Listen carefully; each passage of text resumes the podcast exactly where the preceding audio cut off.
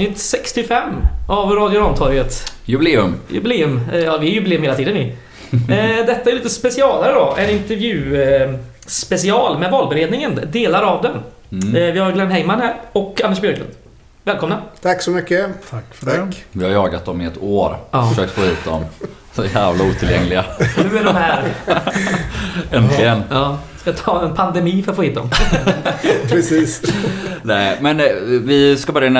Med, jag tror att de flesta som lyssnar har hyfsat bra koll på er, alltså både er funktion och vilka ni är. Men jag vill ändå börja med, eh, vilka är ni som personer? Vad, vem är du Glenn? Som person, det, det var ändå en kuggfråga. Ja, eh, Glenn Heyman heter jag. Jag har eh, bland annat suttit i, i styrelsen i sex år. Eh, fyra år som vice ordförande och eh, det sista nästan hela året som tillförordnad ordförande. Eh, ja, Gaisare sen födseln såklart. Och supporter. Det är väl, det är väl jag. Mm. Annars är jag väl en ganska vanlig Svensson. Fru, två döttrar. Ja, sådär. Jobbar du med något? Ja, det gör jag faktiskt. Ja, gör, nej, jag podcast. jobbar med, eh, är med och, och driver och äger ett, ett företag som jobbar med en, eh, en mjukvaruprodukt som vi säljer till tillverkande verkstadsindustri. Som Okej. Volvo till exempel. Mhm. Mm. Bra presentation. Ja. Effektiv. Det var jätteduktig. Ja. Din tur Anders, då. Se om du kan toppa detta. Anders Björklund ehm, har en vacker fru och en sexårig fullblodsgaisande son. eh, som kommer vara den, Glenn och jag pratade om det på vägen hit, som ser till att Gais går från uh, mäktig till allsmäktig. Mm. Var det väl så vi sa när vi gick hit. Suttit i eh, styrelsen i Gais i, eh, ja vad kan det ha varit, mellan 2001 och 2013. Eh, och har sen sedan några år, nu ska man veta exakt, det kan vara fem år, suttit i valberedningen och har genom åren haft förmånen att få, eh, vad heter det, vara planintervjuare och haft hand om presskonferenser och lite annat eh, i Gais. Privat så eh, jobbar jag på ett bolag som heter Zoma som jag startade för 20 år sedan och nu kommer en radda buzzwords för att vi var väldigt tidiga att jobba med digitalisering av bolag och försäljning och marknadsföring. Fick jag godkänt på den Joel? Raddningen. Helt okej. Och Glenn var ändå vassare. Ja, jag tycker det också. Tydligare på något sätt.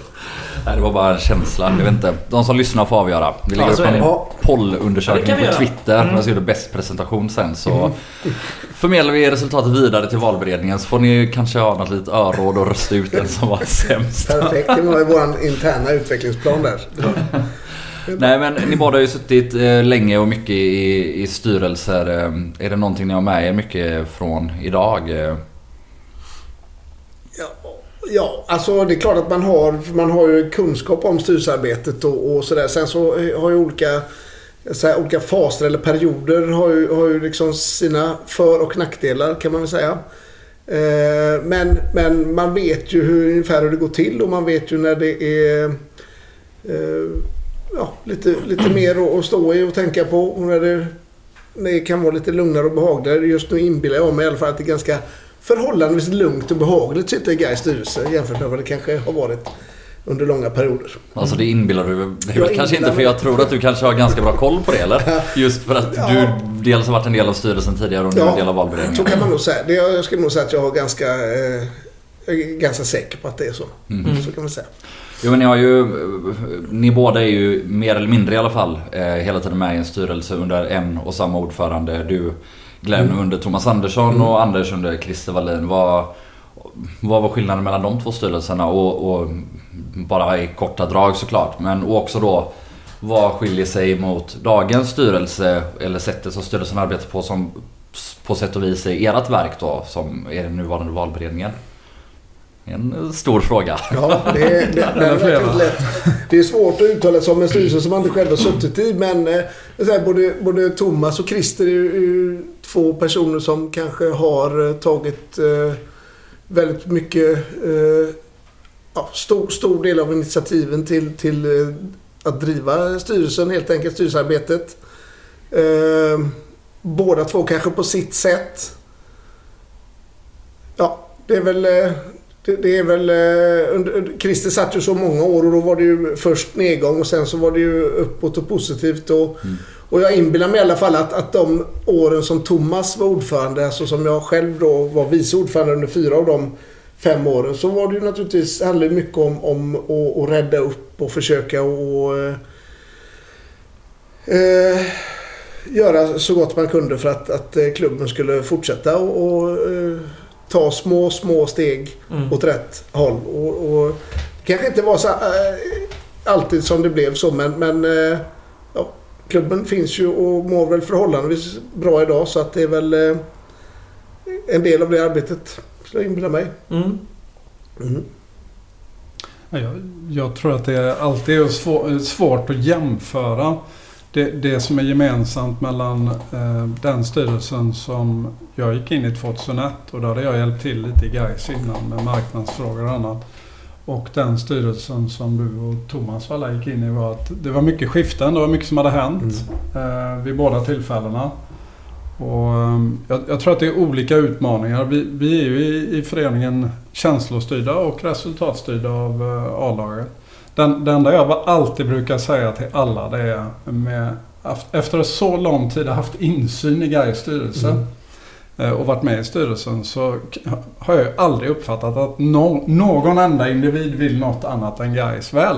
Sen har det gått olika bra. Mm. B- Både resultatmässigt och ekonomiskt och massa annat. Men Mm. den, den tycker jag alltid är väldigt viktig. För jag får frågan ibland.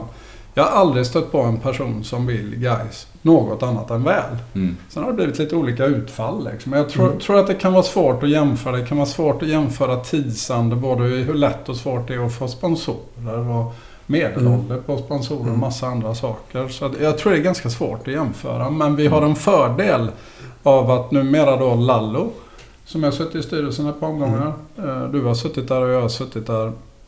Och PO som har insyn i många andra tidigare processer i klubben. Bland annat Gårdakvarnen.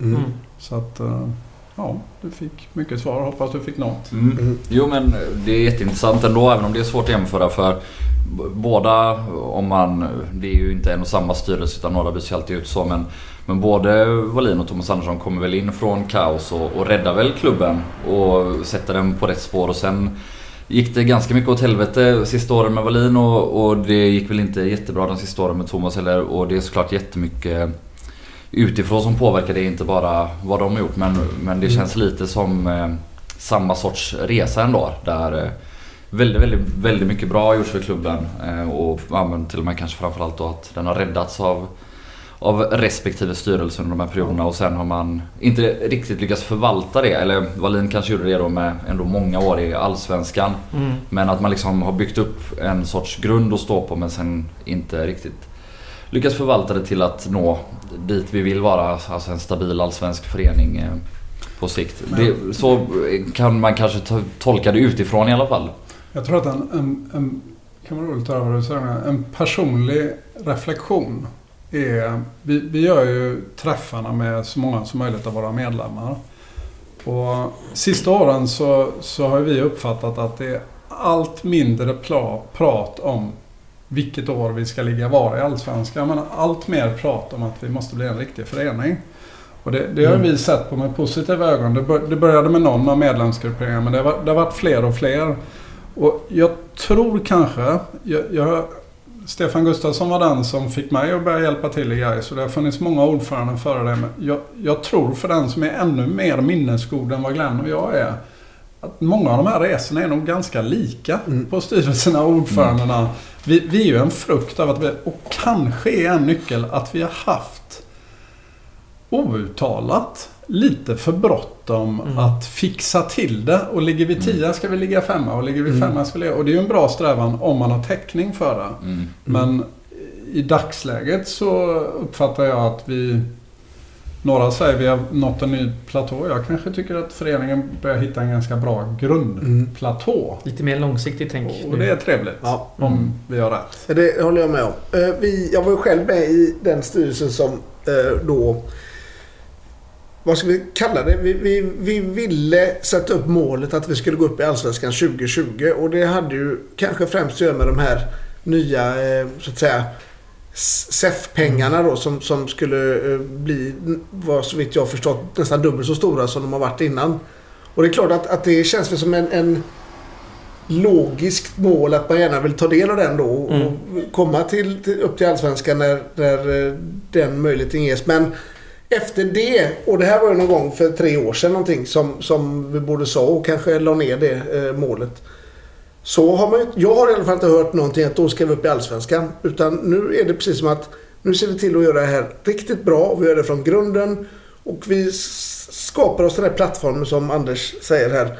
Och därifrån så får vi se vad som händer. Går vi upp i år så går vi upp i år. Går vi upp nästa år så går vi upp nästa år. Det viktiga är att vi får den stabiliteten som vi alla längtar efter. Och där vi slipper avgöra i sista omgången om vi ska kvala eller inte. Det tror jag nog att de flesta är. Och sen så kanske man spänner bågen om något år eller två igen. Men, men eh, Mm. ja. Vilket härligt brandtal. Så talar den före detta ordförande. Nej men eh, vi har redan varit inne lite på det då. Men, och den här platån då, eller grundplatån som vi nu förhoppningsvis är på då. Vad, alltså hur mår guys idag?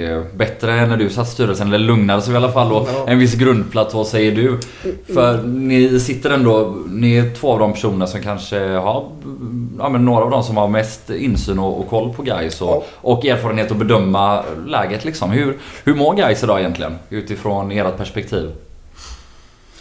Ska jag fortsätta eller? Ja, kör på.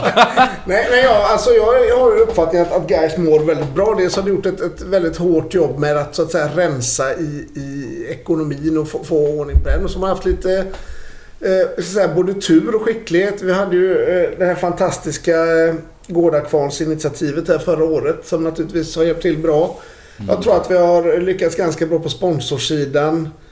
Eh, Man har nog inte svävat iväg med kostnader varken för spelartrupper och annat. Eh, Jag tror att det, att det har bidragit till att det har blivit ganska så stabilt och, och bra som det är nu. Och sen ska vi också då veta att eh, sista året, eller där jag var, var ordförande, så säger att vi var, då var vi fem ledamöter och så, så var vi kanske då tre av dem som hade den tiden att lägga som krävdes då. Det vill säga att vi gjorde ju otroligt mycket jobb som, om man nu ska säga, gav ganska dåligt betalt. Mm. Eh, idag är man då nio ledamöter och eh, eh, har varit nu i två år och kanske ska vara i, i två år till, eller ett år till i alla fall. Och den bredden av eh, så att säga styrelseledamöter med både kompetens och möjlighet till arbetsinsatser och sådär. Det är ju naturligtvis inte jämförbart. Men om man är tre till fem stycken. Nej. Så det här eh, tror jag har varit jätteviktigt. Att den dåvarande valberedningen innan jag kom in såg till att det blev så många ledamöter. Eller, eller helt enkelt bidrog till att det blev så. Mm. Eh, vi kan ju... Nu är ni fyra pers i valberedningen. Ja. Är det en siffra som brukar ha varit där? Alltså, historiskt sett i Gais har det varit tre stycken i Tre stycken. valberedningen. Och det året som jag kom med, som jag borde komma ihåg då, hitta på att det var fem år sedan. Då blev jag invald som en fjärde person. Okej.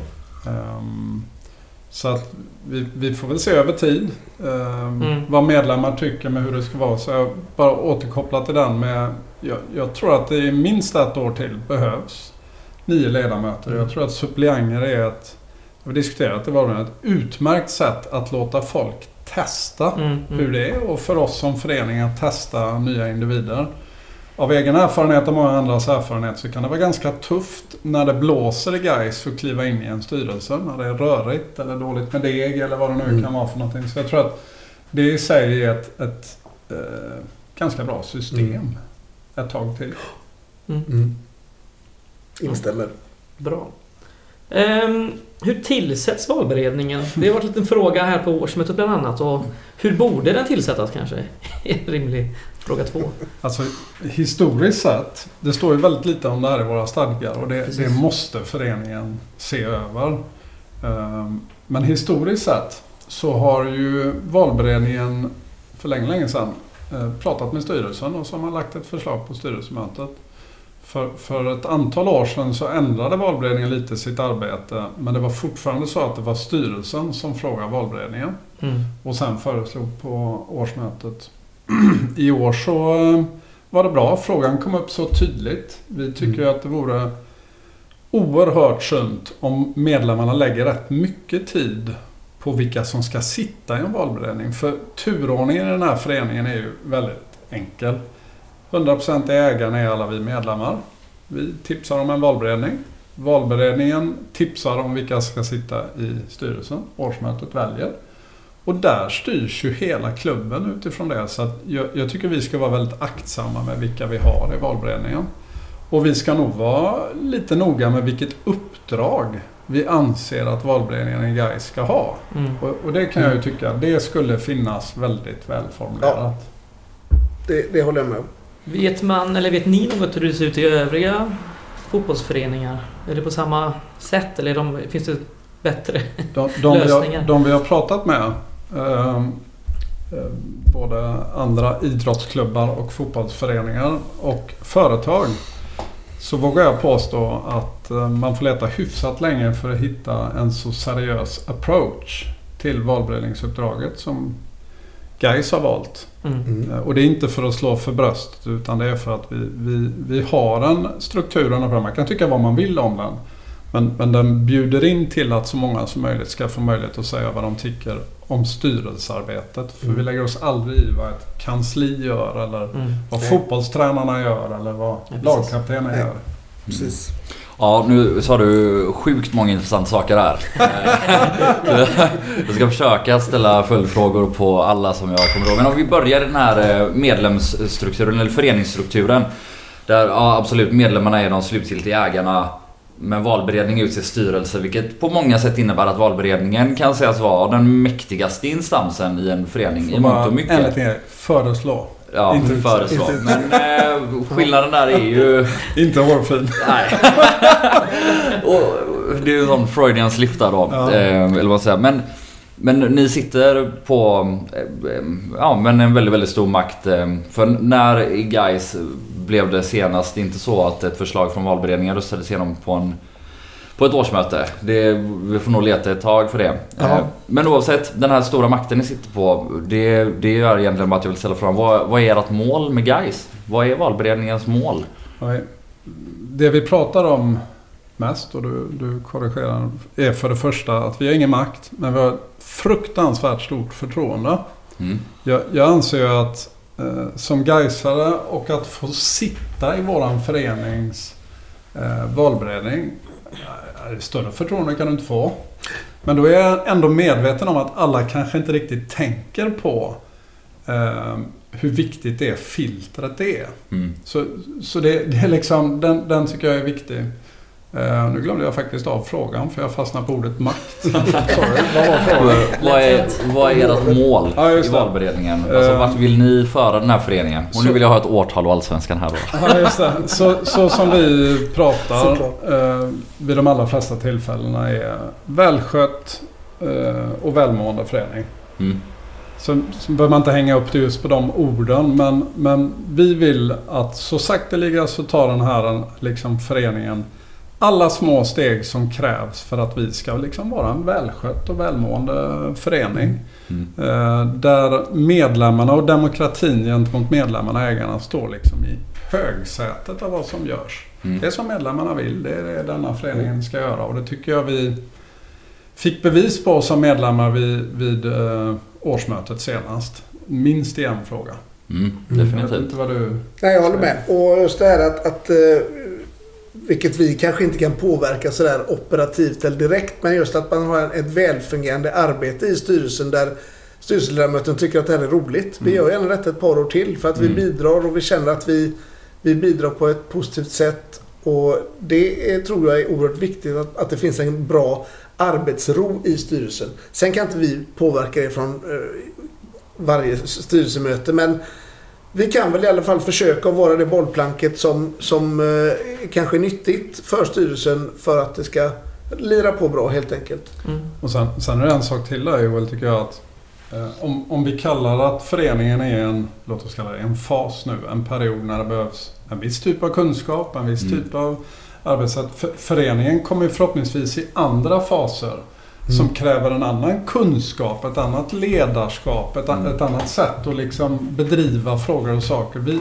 vi tror ju att stegvis nu att det har varit rätt personer och rätt det kommer förändras över tid. Mm. Det kan ju hända att det ställs hela, helt andra krav på kontaktnät i vår valberedning. Mm. Men det är där det börjar liksom. För det måste finnas en plan fram. Och det gör det. Mm. Även inför nästa Sen tycker jag också att det är eh, en viktig sak som har varit lite på tapeten här redan i år. Och det är ju mångfalden då i både valberedningen och styrelsen. Mm. Och det är ju väldigt viktigt att påpeka det. Det är ju inte så att vi, aha, det har vi inte tänkt på. Utan vi har inte gjort något annat än tänkt på det det senaste mm. året. Eller de senaste åren. Men tre åren. Det är, inte, det är inte så lätt som man tror ibland. Uh, ingen hade varit gladare än, än vi i valberedningen om vi hade kunnat till exempel ha hittat två uh, kvinnor som var väldigt intresserade av att ställa upp och jobba i Gais styrelse. Mm. Och vi har gjort allt vi har kunnat. Och uh, hittills har vi inte lyckats, men vi har ju inte gett upp för det. Men vi är väl medvetna om den, den situationen. Så det skulle jag vilja säga, det är väl ett mål som vi har. Om man får kalla det ett mjukt mål eller någonting sånt som mm. är kanske ett år fram i tiden. Då. Om man frågar varför har vi det målet?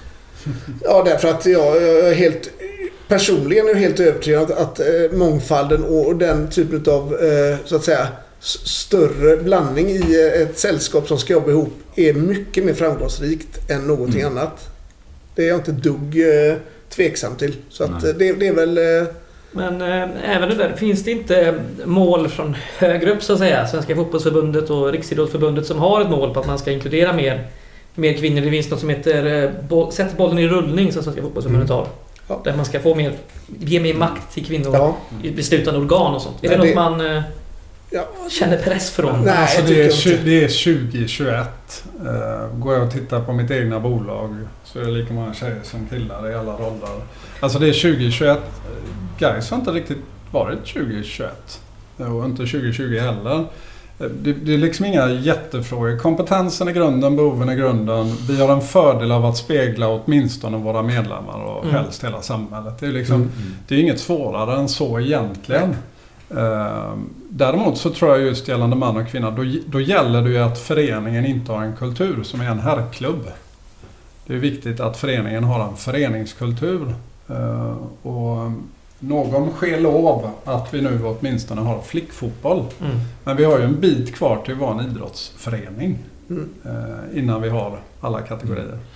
Ja, jag tycker ni är inne på två intressanta saker där. För, för mig handlar det om två saker och ni nämner båda två. Dels eh, liksom den rent egoistiska delen om att det blir en mer kompetent styrelse med fler erfarenheter och, och blandade bakgrunder och, och allt det här liksom. Alltså, det kommer göra guys starkare och bättre som förening men också representativitet att man mm. ska spegla både den egna föreningens medlemmar eller mm. bara de som är på läktarna för den delen. Det behöver, mm. Jag tycker faktiskt att det är, mm. oavsett om man betalar medlemsavgift eller inte så är vi ju något mer än så faktiskt. Mm. Eh, med vårt representationslag. Eh, och ja, helst skulle man då liksom spegla hela samhället eller åtminstone hela Göteborg liksom. Mm. Eh, och någonting åt det hållet. Så ja, det är viktigt av de två anledningarna. Eh, och nu bollar du upp det här lite tidigare än vad vi hade tänkt ta det. Men, så vi får gå tillbaka till de här målen och strukturen. det är helt okej. Okay. Men den här strukturen som vi börjar prata om då och, och alla mål vi har för valberedningen och det här sättet vi nu arbetar på från valberedningen och försöker då kanske också få in i styrelsen. Vad, vad innebär det? Eh, ordet struktur är ju ett av Anders favoritord, vet jag. Men vad betyder det? Hur jobbar ni med det för att implementera det? Och vad, vad de här fem åren som du har varit i valberedningen nu då, Glenn lite kortare men som jag upplever det i alla fall utifrån så har valberedningens arbete utvecklats, alltså dels tagits på större allvar och kanske också breddats lite i, i vad ni anser er ha för roll i föreningen. Eh, vad, ja, vad har du att säga om alla mina påståenden? Som van presskonferensarrangör så sitter jag och väntar på frågan. Ja. jag, jag förstår vad du menar. Alltså i grunden är det ju så här att det här påbörjades ju även eh, innan jag kom in det, det som vi försöker att vara väldigt noga med är två saker. Uh, och vi ska bättra det lite i år igen. Det är att ge alla möjlighet att prata med oss. Det är det ganska många som använder sig av. Vissa mm. säger vi som, som till exempel vi säger Guys TIF eller Makrillarna. Har ni lust att träffas i september och kan ni de här datumen? Eh, Men sen är det ju så också att vi, vi försöker fånga upp lite saker. Förra året på direkt efter årsmötet så hade vi ett litet tema. Vilket var, vi ska försöka komma på så många som möjligt som har funnits runt föreningen genom åren som vi antingen tror vi har tappat bort eller som faktiskt har försvunnit. Och det, det var ju inte ett typiskt valberedningsarbete. För vår uppgift är ju att leta ledamöter och suppleanter till årsmötet. Men där, där fanns mycket människor med potential. Så då träffade vi dem. Året innan hade vi temat låt oss träffa så många som möjligt av våra före detta A-lagsspelare. Som är en ålder där barnen börjar bli lite större. Så fick vi lite koll där. Och det gjorde vi för att Jonas Östergård var orolig för att medelåldern i fotbollsrådet skulle bli för hög över tid. Så det var ett extra uppdrag där Jonas sa kan ni kolla lite grann på det. I år har vi lite en, en annan approach. Vi träffar lite kandidater som vi inte har träffat allihopa tidigare. Sådana som av olika skäl har sagt nej, som vi fortfarande är intresserade av över tid. Så de ska vi träffa under våren. Och sen är det ju ganska simpelt. Träff, träffa styrelsen ett par gånger. Träffa Jonas oftare. Helst träffa vice ordförande och, och kassör någon extra gång också. Eh, I år gör vi en skillnad att, att när vi bjuder in de olika medlemsföreningarna och vi kan kalla det grupperingarna så kommer vi göra en öppen fråga. Dels kommer vi säga att vi vill träffas den här perioden. Men sen kommer vi också ställa frågan hur vill eran intresseorganisation eller gruppering hålla kontakten med oss under året? Så att det dyker upp så lite grejer som möjligt inför årsmötet. Mm. Men ja, klubben ska bli jävligt mycket bättre över tid. Liksom. Mm. Det, det, det, är, det är målet, det är planen. Hur eh, ofta träffas ni?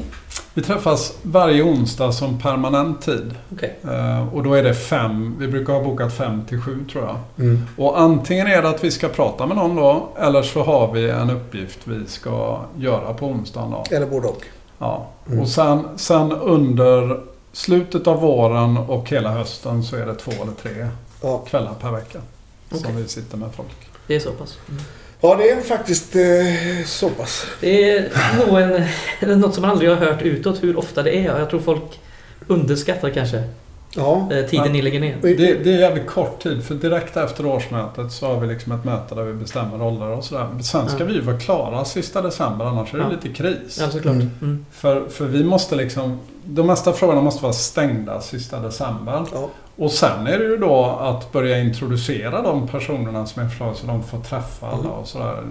Ni hörde säkert på mötet eller läste någonstans. David träffade ju ändå David Perre då. Mm, Han mm. träffade ju ändå sex, sju olika personer och fick känna in dem och de fick känna in honom och sådär. Eh, En ny person i en ny förening, då är det ju några som ska signa av. Ja. Det känns bra. ja, så är det. Så helt enkelt så mycket informationsinsamlande som möjligt från så många olika håll inom föreningen som möjligt. Så Och- länge det rör styrelsen. Ja, Eh, Den är väldigt, väldigt viktig. För emellanåt så är det ju engagerade medlemmar som hör av sig om allt från spelsystem till annat och sådär. Och där försöker vi vara någorlunda korrekta med att säga vi kan jättegärna lyssna på det men det har ingenting med valberedningen att göra så att säga. Mm. Mm. Mm. Det är allt som är relaterat till styrelsen. Om någon tycker att någon, någon tränare eller anställd inte är rätt, eller visst vi kan lyssna men det har inte vi med att göra. Det är Nej. styrelsens Nej, precis. uppdrag. Exakt. hur viktigt är det med föreningsdemokrati? Oj. Det är väl egentligen- egentligen eh, det viktigaste av alltihop. Ja, Det är alltså... rent principiellt eller? Ja, ja, Ja, både och. Ja, Både rent principiellt och för att eh, det ska, klubben ska må bra. Så Mm. är det oerhört viktigt. förening. Det- Jag tycker, utan att gå in på några konkreta exempel, så tycker jag att vi kanske framförallt inom fotbollen i Sverige har sett eh, alternativ som är lite motsatsen faktiskt. Andra klubbar runt Mm. om i Sverige som där man bara känner att där finns det ingen föreningsdemokrati. Nej nej Å andra sidan kanske de har ytterst begränsat med medlemmar och så vidare jämfört med vad, vad vi har. Men eh, ja, det är inte, inte vår grej i alla fall. Nej, Så kan man säga. Mm. Den är, den är, ehm, jag, jag tycker vi ska praktisera den mer och mer för varje år. Mm. Oavsett det gäller stadgar eller medlemsmöten eller allt det. Saker är inte optional. Och, och då, då får man liksom ibland säga nästan så här. Förstår alla att om vi var ett aktiebolag Mm. Så är våra medlemmar aktieägarna. Mm. Och det är de som ställer krav som ägare Mm. på både styrelse och ledning. Man får, får nästan göra det så simpelt. Och vi ska ta det så långt det går tycker jag. Alla medlemmar ska se till att vi tar det så långt det går. Mm. hur svårt är det där att förklara för folk då? Alltså både gentemot potentiella styrelsemedlemmar men om vi tar det lite bredare också. Hur, hur, hur stark upplever ni att föreningsdemokratin är i Sverige eller att vi känner till den och utnyttjar den? Ja, jag, jag vet inte hur stark den är i Sverige då som sagt. Men Gais upplever jag att den är väldigt stark och att det dessutom då finns en väldigt tydlig och klar ambition att den ska förbli så. Mm. Det, det är väl kanske en av de tryggaste känslorna man har som, som Gaisare. Det är att ingen ruckar på vår föreningsdemokrati. Så Mm. kan jag känna. Mm. Och det, det, har, det har säkert genom åren funnits förslag från externer om att det ska bli på något annat sätt. Men de tillfällena som jag har insyn i så har det blivit blankt Ja. rött skynke. Piss off. Ja. Och det, det är väldigt viktigt. Mm. Så ehm, det tycker jag vi ska sträva Mm. mot alla. Verkligen. Ehm, hur många intervjuar ni inför varje styrelseår? Och har ni en, en bruttolista ni går efter som ni tar av och tar bort och lägger till? Och Du tänker på ledamöter eller sådana Ja, som aktuella sitta i styrelsen? aktuella Ja. inför det jobbet? Till att börja med så har vi en lista vilka som, som eh, sitter i styrelsen idag. Ja. Och eh, vilka då som ska sitta på utgående och sådär. Och eh, lite beroende på... Vilket jävla jobb! Oj, oj, oj. Eh, så får vi naturligtvis eh, förhålla oss till det. Och är det någon som har en speciellt uppdrag eller en speciell kunskap eller eh, kompetens som är en av anledningarna till att eh, han eller hon sitter i styrelsen så, så är det väl klart att då får vi titta på någon lämplig ersättning till den då. Kanske om, vi har ju då, eh, inte jag, men Anders och eh, de andra eh, som satt i Gais valberedning innan jag kom med eh, letade ju väldigt mycket efter en kassör då. Mm, Och mm. då eftersom vi inte hade någon kassör under ett års tid. Precis. Eh, och det är klart att då är det ju väldigt viktigt att... Då, då hade, misstänker jag att då har man väl en bruttolista och sen så ja, träffar man ett gäng och så får man se hur många som är intresserade och så väljer man Mm. det som känns Men bäst. säg att det, det beror på lite grann. Det finns ju några grupperingar där det kan komma väldigt många. Mm. Men säg att i snitt är 150-200 personer ungefär. Om vi räknar alla individer. Ehm, Och är vi då 2000 medlemmar, ja men då är det i alla fall nästan Mm. 10% kan vi ju Mm. påstå då. Men alltså då är det ju inte bara potentiella ledamöter utan... Nej. nej. Utan sen är det precis som Glenn beskriver att, att eh, kanske fanns en kortlista på fem personer när styrelsen säger vi behöver en kassör. Mm. Med ungefär den här bakgrunden. Mm. Men sen finns det ju andra fall där, där eh, som inför årsmötet nästa år har vi gjort en planering. Då är det ju då tre stycken med utgående mandat, ledamöter. Och så är det två suppleanter och en ordförande som har utgående mandat varje år. Så det är klart, eh, där är ju alltid viljan hos personerna det viktigaste. Men där tittar vi ju alltid direkt på alternativ och börjar göra små listor Mm. och fundera. Ja, det måste ju finnas någon backup om den helt plötsligt. Absolut. Eh, Ja. För det, du var lite inne på det, men 2018 då eh, Claes Forsberg som var ordförande då, det gick ju bara två månader innan han steg ner av personliga skäl och det behöver vi inte gå in på såklart. Men det måste ha varit ett ganska tufft jobb för er eh, under den här tiden. Framförallt för dig då som blev ordförande Pratade vi istället. några gånger Ja, var, Eh. jag vet inte var jag ska börja någonstans. Men vi har, ställningstiden är snart slut. Men, eh, nej, men jag kan väl säga så här att det var ju inte... För det första då så, så tappade vi en ordförande. Ordförande är ju den som lägger mest tid och som, som är, alla vill prata med. Mm. Och det kan jag säga av egen erfarenhet. Ingen bryr sig om den vice ordföranden. Alla vill prata med ordföranden. Mm. Och det är klart att, att när den och kassören är samma person Mm. så är det ju inte så roligt. Det kan man ju bara Ja. konstatera. Men egentligen kan vi göra det här kort Glenn. Ehm, vi kan säga så här. Om inte du och några andra hade valt att ta rätt mycket stryk. Ja. En, en liten gruppering hade valt att ta rätt mycket stryk och det påverkade er alla. Och vi hade utlyst i panik ett nytt årsmöte. Mm. Det hade blivit en extremt jobbig tidpunkt för Ja. den här föreningen. Mm. För du snurrar inte fram ny ordförande, ekonom och så vidare när du redan har betat av hela den processen. Mm. Eh, Och därmed så har vi fått lära oss också att okej, oavsett hur bra det verkar, någon kan bli sjuk, något kan hända av personliga skäl. Vi måste ha bättre här, För det tillfället, och det vet jag inte exakt hur ni kom fram till, men vi pratade ju om det, men ni pratade i styrelsen. Det var oerhört viktigt för Gais framtid att det inte blev ett årsmöte Mm. utan att ni slet som djur. Det, det var oerhört viktigt tillfälle. Ja. Det var det. Och det, jag är personligen väldigt både någonstans stolt och glad för att vi tog det beslutet Ja. eh, så här i efterhand. Där man kan titta på det med eh, ja, glädje är väl att ta i kanske, men med en viss distans i alla fall. Mm. Och, En lättnad ja, kanske. ja, Ja. precis. En lättnad ja. Ja. Du tog ordföranderollen, men vem tog eh, kassörsrollen? eh? Ja, då hade vi väldigt mycket hjälp av Roland eh, Blomstrand, vice ordförande. Han är ju god kunskap och insikt om Gais sedan många år och eh, tog naturligtvis ett mycket eh, tungt arbete där. Mm. Så var det. Men om man eh, är lite hård då så kan man kanske säga att valberedningen misslyckades med tillsättningen av styrelsen. Alltså det är svårt att förutse avhoppet. Men kanske att man förlorar både ordförande och kassör i en och Ja. samma person. Ja, och sen kan man lägga ännu mer det, den, ehm, både den som var tänkt som ungdomsansvarig och den som var tänkt som fotbollsansvarig eh, valde ju att eh, Mm. inte fortsätta. Mm. Mm. Så att, så att det är klart, eh, absolut. Håller med dig. Mm. Ett misslyckande. Nej, ja, men så kan man också säga då samtidigt så eh, Claes hade ju suttit som kassör i, jag tror det var tre år innan va? Så att, eh, att det nu blev som det blev, det var kanske lite svårt att, att kalkylera eh, med. Men, eh, Springer folk här som bara... ja, precis. Men, men eh, ja, nu blev det som det blev. Så att eh, visst, det är klart att eh, valberedningen eh, möjligen eh, kanske då kan säga att, att det var inte helt eh, lyckat. Men Mm. så här efterhand. Men det är ju väldigt lätt att vara efterklok såklart. Är det så ni tänker nu då? Ni ska inte ha kassör och ordförande ett och samma? Nej, men det, ska, det, egentligen, egentligen så får man inte ens ha det. Nej, Så det- att, det är så eh, alltså. det- På pappret så tror jag det var något annat. eh, Fick vi reda på efter ett tag då. Så att Mhm.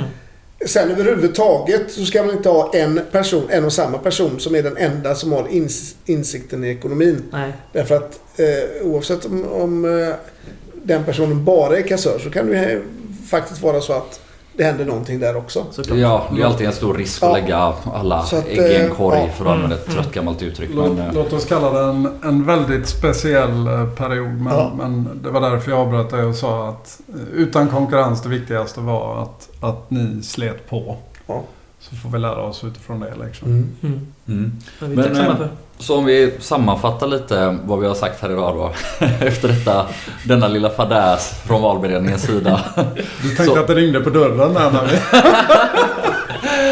Nej men eh, från och efter detta eh, så kan man väl ändå då säga att valberedningen har blivit, eller arbetet har utvecklats mer och mer till till att vara ehm, bredare, mer struktur ehm, med tydliga mål om vad man vill med guys och hur man når dit. Eller skönmålar jag bilden? Eller ger jag för mycket beröm och cred eller?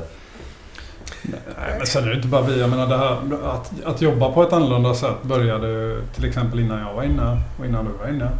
Ehm, men jag, jag tycker att valberedningen tar sig an uppdraget eh, på ett bra sätt. Eh, Och när medlemmarna inte tycker att vi gör det, då byter man ut oss. Mm. Det, det är liksom oerhört simpelt eh, Mm. i det. Och jag, jag tycker valberedningen också kan ge ännu större insyn i vad det är man gör och vilket så här, så det, I dagarna vet jag det kommer någonting om våran plan som Ja. PO har skrivit i guys.se. Vi- vad är- När och var har vi ungefär vad? Och det, likadant med det här att vi kommer säga till alla grupperingarna att bestäm hur ni vill hålla kontakten med oss. För jag, jag tycker verkligen att medlemmar ska göra det. Mm. Sen, Mm. sen är det viktigt att det handlar om styrelsen då, inte om något annat. Och vi kommer även eh, be Guys att lägga upp våra privata mailadresser på Mm. guys.se så att man minskar liksom, hur får man tag i Glenn eller hur Mm, får man tag i mm. PO. Dra ett mail Mm. eh, och säg vad ni klurar på. Mm. Precis. Ja, så vägen framåt är utstakad mot evig framgång. Nej, Alltså. men eh, jag tycker det är viktigt också att understryka att, att eh, jag tror att vi alla som sitter i valberedningen nu eh, Både nu och eh, innan årsmötet med Bert Granberg var med tycker att det är väldigt roligt att sitta i valberedningen. Och då är man ju också beredd att lägga det här kanske lilla extraarbetet som gör skillnad. Och det skulle jag, utan att ha suttit i så många valberedningar, så skulle jag nog vilja påstå att Jag tror, att vi, jag tror att vi har en ganska så ambitiös valberedning i Gais. Mm. och det kan jag säga ödmjukt. Ja. Det är för att vi tycker att det är roligt och att jag mm. tror att vi, Anders är ju sammankallande och gör det på ett eh, fenomenalt sätt. Han gillar ju inte bara ord och struktur utan han är ju väldigt strukturerad också. Mm. Det, det tror jag eh, underlättar för oss alla som sitter i valberedningen. Och ändå hittade ni inte en gubbe som var gaisare som kunde ta hand om ungdomsturneringen. Utan Nej, vi hittade något mycket bättre som kommer ja. bli gaisare. Han är redan gaisare. Ja. Mm.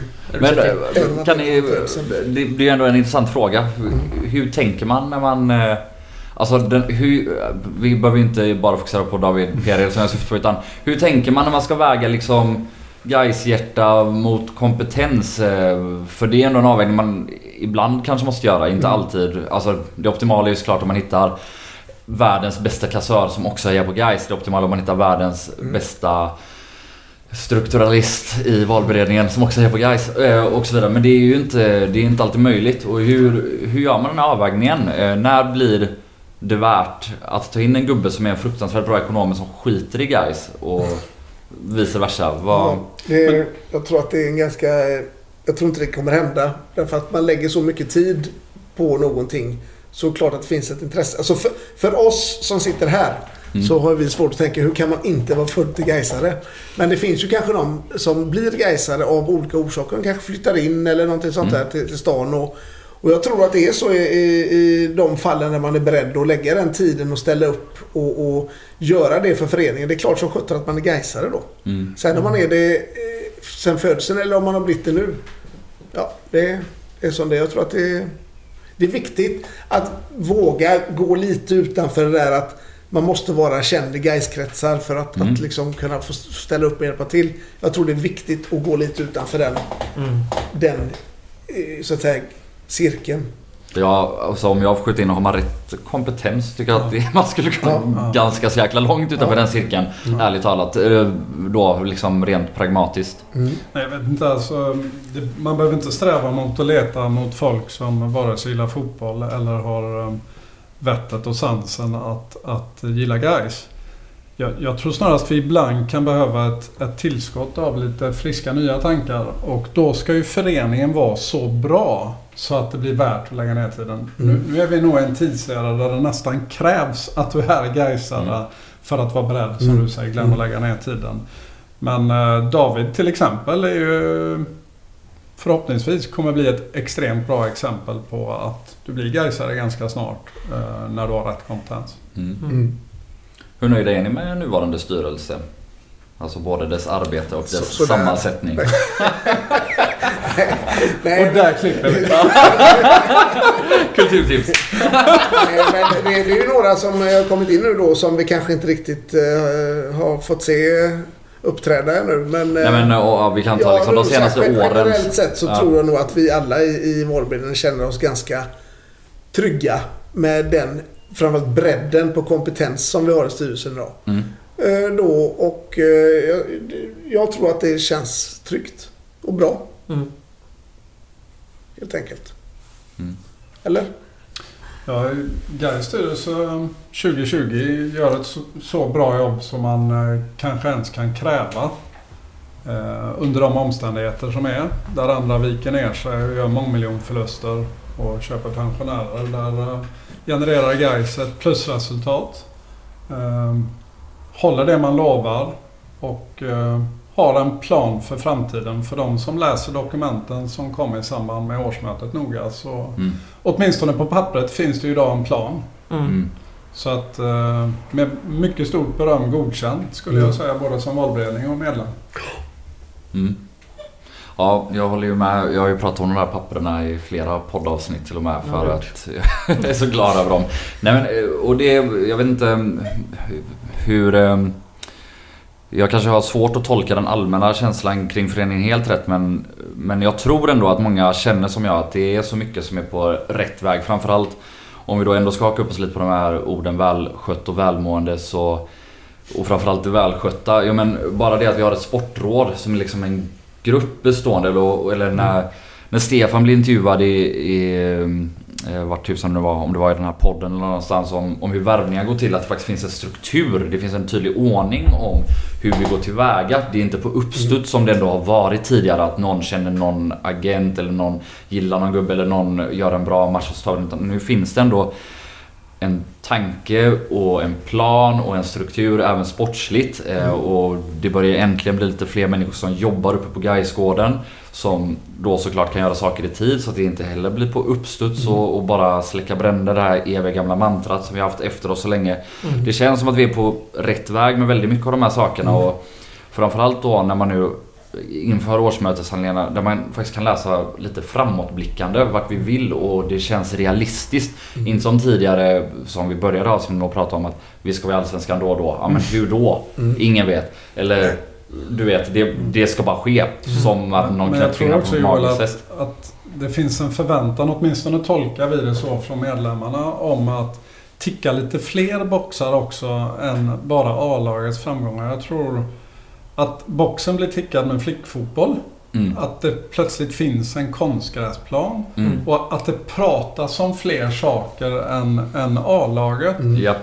Vi tolkar det som att styrelsen ska bedömas utefter det också. Mm. Mm. Mm. Därför att det pratar väldigt många med när de sitter med oss. Alla andra saker förutom A-lagsfotbollen. Ja. Och jag tror att människor blir minst lika glada när de läser något om P17 som mm. när de läser vad truppen blir. Faktiskt. Mm. Mm. Även om det skrivs mycket mer om ja. truppen. Så Nej, men där är du verkligen inne på något. Det är, jag kommer mm. ihåg eh, vår goda vän Josef. Han eh, blev ju typ gladare när det kom en konstgräsnyhet förra året. När vi har vunnit eller värvat någon. Mm. Mm. Eh, och det, det, tror jag absolut att du har helt rätt i. Att vi medlemmar kanske också har mognat till den graden efter de här hundåren att inse att det är den änden vi måste börja för att på sikt kunna bli det vi vill, även sportsligt. Precis. Och då är ju det här tillgängligheten till information. Eh, min son spelar även i ett lag i Halland förutom i Göteborg. Jag är imponerad vad man kan se runt den föreningen som inte har med A-lagsfotboll att göra. Eh, om alla möjliga mm. saker som ska ske och planeras och robotgräsklippare och bla bla bla bla bla. Den där delen av klubbengagemanget som egentligen är coolast av allting. Det tror jag våra medlemmar gärna bara info om och tillgänglighet och hjälpa till och annat. Mm. Inte alltid A-laget. Mm. Mm. Ja, jag är nöjd med det mesta i ja. frågeväg nu. Jag vet inte om du har något mer? Nej, jag har en fråga kvar här som är lite mer personlig. Ja, Vad är egentligen grejen med David Bowie? ja, och då glider vi in på kulturtipset. Nej, det är faktiskt så här att eh, mina föräldrar hade en eh, son som hade väldigt tidigt en annorlunda form av astma. Och eh, det var ju väldigt coolt för mig att kunna vara hemma hos en kille som var 10 år äldre. Som hade rökelse i rummet och coola affischer och allting. Och som han heter, Feffe Fredrik Nord, som ni alla har sett som översättare på sista textraden i filmen. Mm. han hjärntvättade mig till att gilla David Bowie. Jag vet inte om Feffe fortfarande gillar David Bowie. Men um, i mitt huvud finns han för alltid och i mitt hjärta. uh, och därmed kommer vi till dagens kulturtips. Joel, nu tar jag över programmet. Jag har varit och käkat en hel på restauranger sen tiden. Netflix igen. Ja, i så fall får jag väl tipsa om eh, en bok. Bäst movie ever made, sen var den inte så jävla bra. ja, kulturtips låter väl skittrevligt. Och det är så här att eh, man kan tro att man känner till mycket om David Bowie. Men det finns en platta som blir ett märkligt tips. Och plattan heter Pinups. Där Bowie bara gör covers. Och anledningen att han gjorde det var att han ville bli av med sitt många, mycket märkliga skivkontrakt. Men den ska ni lyssna på. Och absolut inte på något annat än vinyl. Ge fan i Spotify. Det ska hacka lite på Pinups. Vilken är den bästa Bowie-låten? Ja, nu kommer en kollega som heter P mörda mig för han säger det går inte att svara på för att alla Bowies låtar är bäst. Men det är utan konkurrens Life on Mars. Mm. Det är ändå en crowd pleaser. Jag trodde du skulle köra något lite svårare. Nej, men det, det, är omöjligt att komma bort ifrån eftersom jag har varit med i eh, en grej utomlands där de frågade om man var tvungen att lyssna på en låt livet ut dygnet runt 24-7 resten av Mm. sitt liv. Vilken väljer man då? Då svarar jag det. Då är det ju svårt att det är något annat än favoriten. Ja, ja det är svårt. Ja, det är bra. Ska du komma Jag tycker Heroes är den bästa Bauer-låten då, men det är kanske ännu mer mainstream. Ja. Men, eh, Du då Fredrik, vilken tycker du är bäst? Eh, Bowie-låten? Ja. Eh, jag gillar Starman. Mm. Jag tycker den är tung. Nu Min, ligger du bra till hos Adrian. Jag. heter det Safe and Sound en låt eller? Det borde jag kunna svara på. Det borde du kunna. Jag tror Sound att and min... Vision. Så den tänker jag på. Exakt. Safe and Sound är, vad heter de här? eh, Ja, Det är något helt annat. Det är ju ehm, ehm, ett franskt härligt elektroniskt band. Skitsamma. Sound and Vision är min favoritlåt av Bowie. Bra Så val får jag- av er alla. Mm. Ja, Går bara att göra bra val med Bowie. blir det en David Bowie special istället?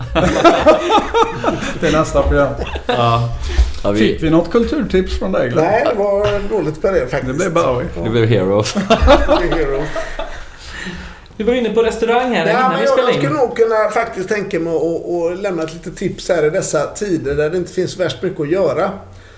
Eh, ni kanske känner till det allesammans men det finns ett trevligt ställe ute på Lindholmen som heter Street Food Market som kör på lördagar mellan 12 och 4 eller 12 och 5. Mm. Mm. Eh, om man inte har något att göra eh, och färjan över och går dit, käkar lite street food, tar en kall pilsner och håller avstånd. Det är väldigt, väldigt trevligt. Mm. Jag kan säga att det var så trevligt i lördags för att jag fick till och med låna en TV-apparat så jag kunde sitta där och kolla på matchen. Det var det som var jävlar. riktigt bra.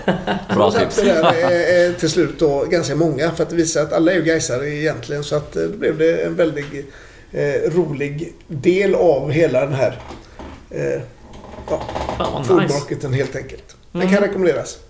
Ska du eller jag? Jag kan tipsa om en bok jag håller på att läsa. Mhm. Eh, som heter Ett litet liv. Har någon av er läst den? Nej. Känner till den? Nej. Nej.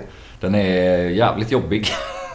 det, gör, eh, det gör ont. Handlar om mycket otäcka övergrepp delvis. Eh, Mm. Framförallt mot eh, huvudpersonen när han var ung. Så en liten trigger warning då. Läs den inte om ni har allt för svårt för sådant. Men den är väldigt vackert skriven och ja, behandlar eh, relationer mellan eh, fyra unga män på ett eh, lite ovanligt sätt. Män porträtteras sällan så känslosamt och öppet och vackert som i den här boken får man säga. Okej.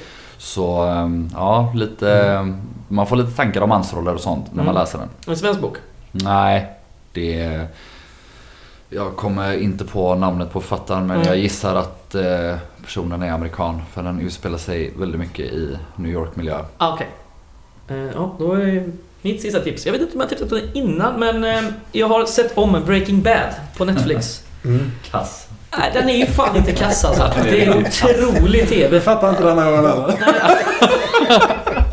Otrolig TV-drama. Och jag Det är är ju... inte det. det Jo, är, jag såg den också för några år sedan och jag skulle börja somna för ett tag sedan och kolla på halva första avsnittet.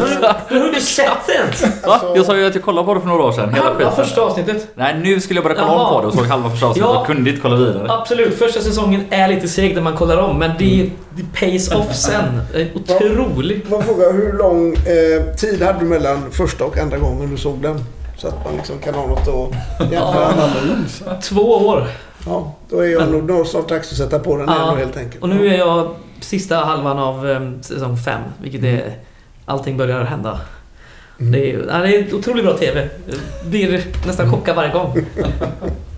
Ja, ja, det var det då. Vi tackar för er medverkan. Tack för att vi. fick komma. Ja, nu vet alla som har lyssnat på detta hur ni ska jobba och redan jobba för att göra guys välskött och välmående med struktur. Perfekt. Eller? Ja. Absolut. Och bandet jag ska på vad det heter heter ju Justice. Ja, som ja, gjort ja. låten Safe and Sound som jag tänkte att Bauer-låten hette. Var det Men, Men, knappa eh, in här, precis. Exakt. Googla fram det. Nu vet jag inte om eh, det här kommer höras ut, min mage kurrar något så jävligt så jag måste äta något. så vi tackar för oss. Tack så mycket. Tack. Tack Hej guys. Hej, guys. Hej guys.